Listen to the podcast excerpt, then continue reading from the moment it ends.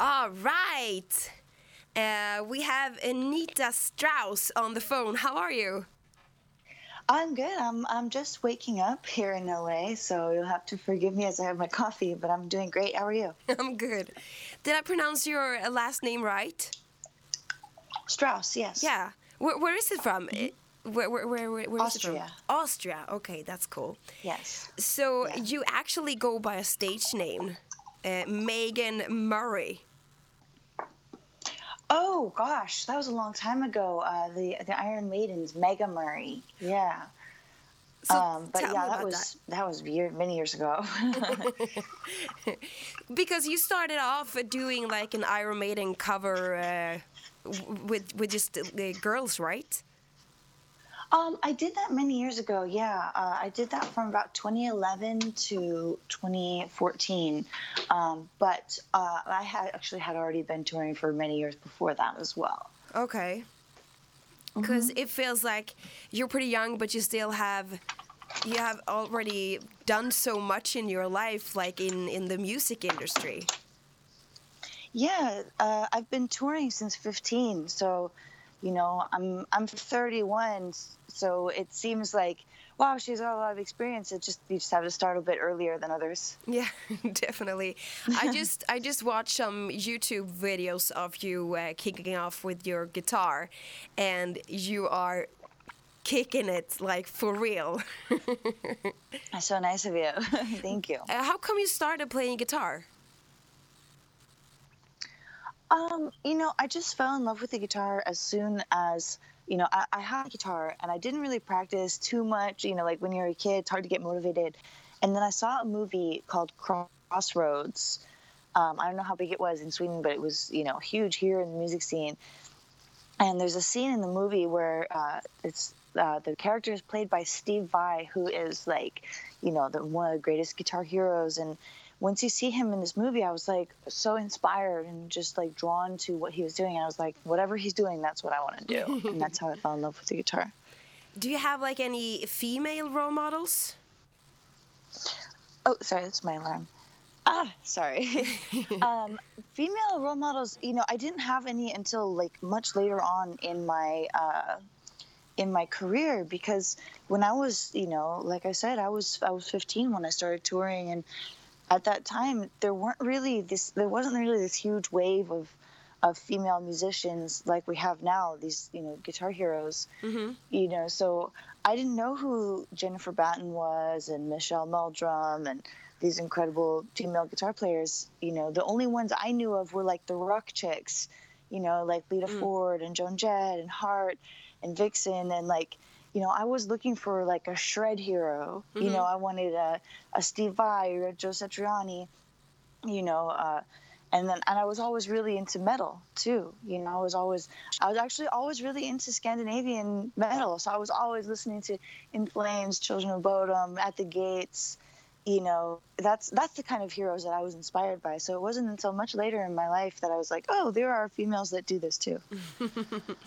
Because normally I get this question for myself uh, since I'm I'm doing uh, I'm I'm running a radio station and it's all about rock and roll and stuff like that. People always ask me how Sure. is it to be a girl in this industry. So I guess you get that question a lot as well.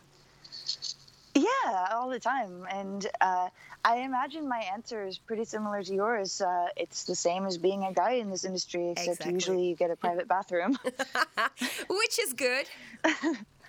which is good. It's always nice. You know, uh, if you differentiate yourself too much, if you just spend your whole day thinking, like, oh, I'm a woman, I'm different then uh, you know it's just it's, it's just too time consuming yeah totally i i understand that like 100% so, uh, mm-hmm. before we start to talk about your album that you just released, uh, uh, tell me about how you started to play with Alice Cooper because the, that's why I know you, uh, who you are.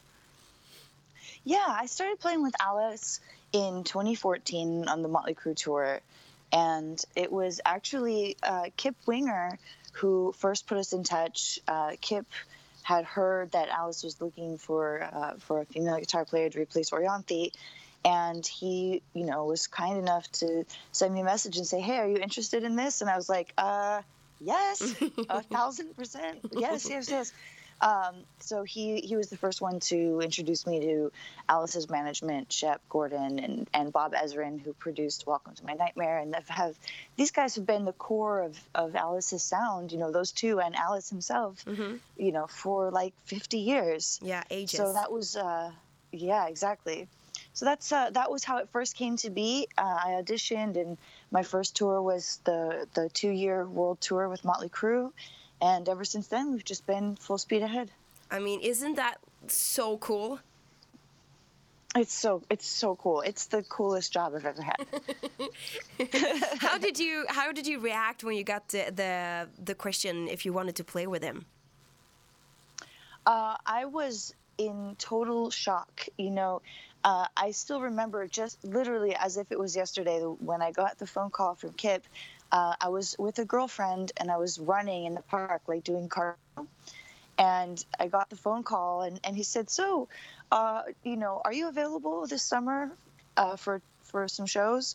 And I was like, "Well, you know, I've got kind of a full schedule. You know, I have a band, and I'm, you know, I was I was playing for the LA Kiss arena football team at the time, playing the national anthem at the games and stuff. And I was mm-hmm. like, well, I've got these gigs, but why? Why do you ask? And he's like, uh, it's Alice Cooper and Motley Crue. And I was like, oh, no, my schedule is wide open.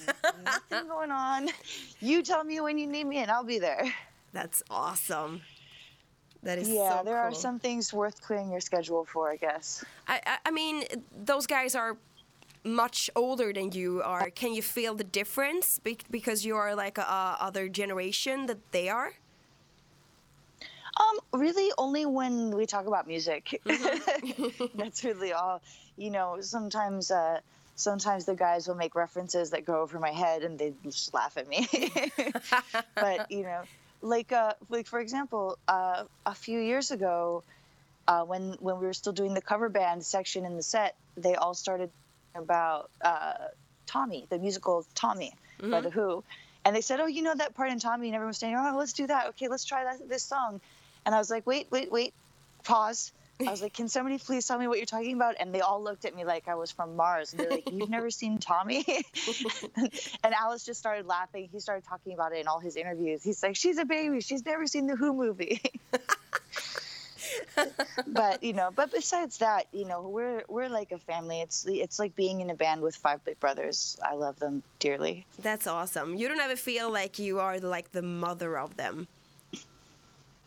Oh, the opposite. The opposite. Okay, the so opposite. that's awesome. yeah, they're. Uh, you know, I'm trying to think if if there's ever a time I feel like a motherly role, but no, it's it's more like a much more like a little sister than mm-hmm. a mother. You know, those they're they're very. Uh, they're very forthcoming with advice and and notes and thoughts and you know it's we're such a tight group you mm-hmm. know we're, we're like you know, people always compliment the band on our chemistry, like, oh, it looks like you choreograph your whole show. And, and really, you know, we're just such a tight family and such a tight group. You know, Ryan and I know what the other one's going to do before mm-hmm. we do it, basically. So if I see him start to move left, I'll immediately start to move right.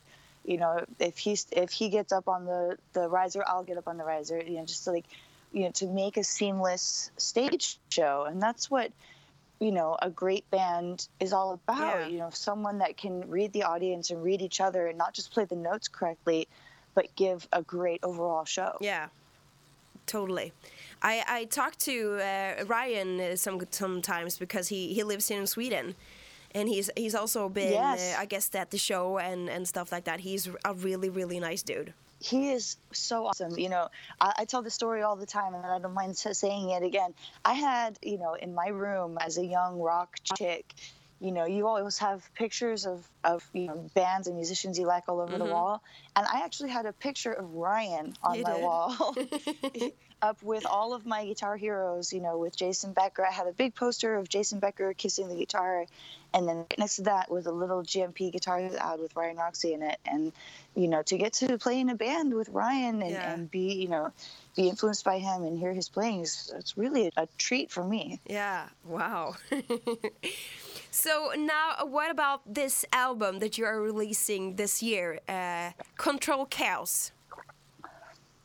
Controlled Chaos, my solo record. I'm so excited because it's my first solo record. You know, I've told you my influences, you know, Vai and Satriani, and mm-hmm. and they all made these incredible solo guitar records. So it's you know really exciting for me to get to be a part of that scene. Mm-hmm.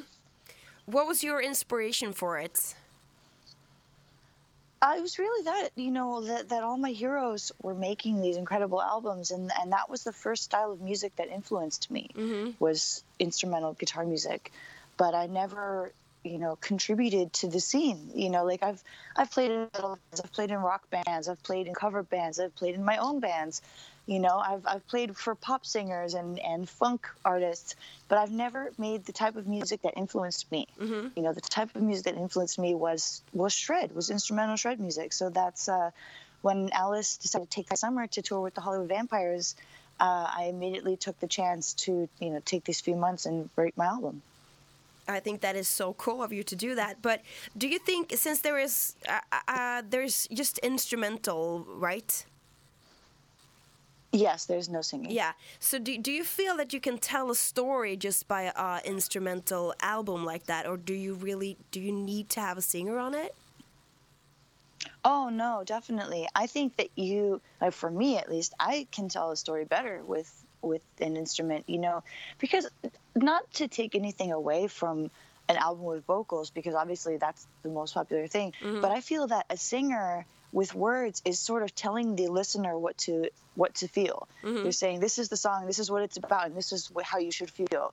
You know this is i'm sad because x y and z or i'm happy because this happened. And and if you have an instrumental song and it's played with emotion and it's played you know with intention and not just it's not just notes that sound good in order you know but if you have one that's really written and recorded with emotion the, the listener has a completely different experience they mm-hmm. can create their own story their own narrative and just experience it in that way and yeah. it's it's really a beautiful thing to be a part of and, and it's the reason why um, i almost never will interpret my songs for people and they say what about i would much rather let them have their own experience mm-hmm. and their own uh, their own story. You know, for example, uh, when the first song I put out, Pandemonium, I, I asked listeners, "What does this song mean to you? Like, what do you think the story is?" Yeah. And I have got all these different answers, and it was so beautiful. You know, one person said, "I feel that it's a general lead. The story is of, of a general."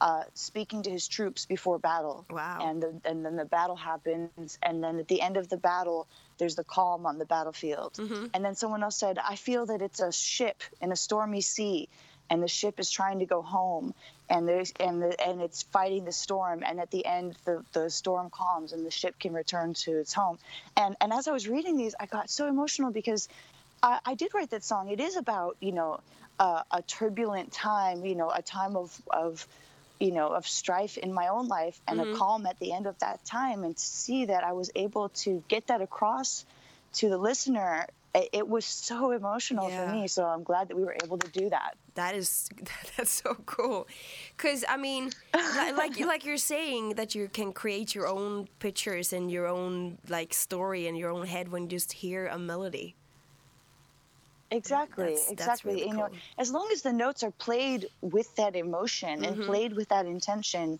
you know, I think it's it's quite easy to create that narrative. So, are you going out on tour with this, or, or how how how will you uh, uh, like put it out there to the people? Yes, so it comes out uh, November 16th. Mm-hmm. So gosh, less than two weeks away now, and um, and then we leave for tour two days after that. So uh, it will be available the 16th on all platforms. You know, Amazon, uh, iTunes, uh, Spotify, yeah. everything else, and then we will and then we'll go on tour the 19th and we're, we're going to do 29 shows in 31 days. So it'll be a really different schedule than oh what oh i'm used God. to with alice.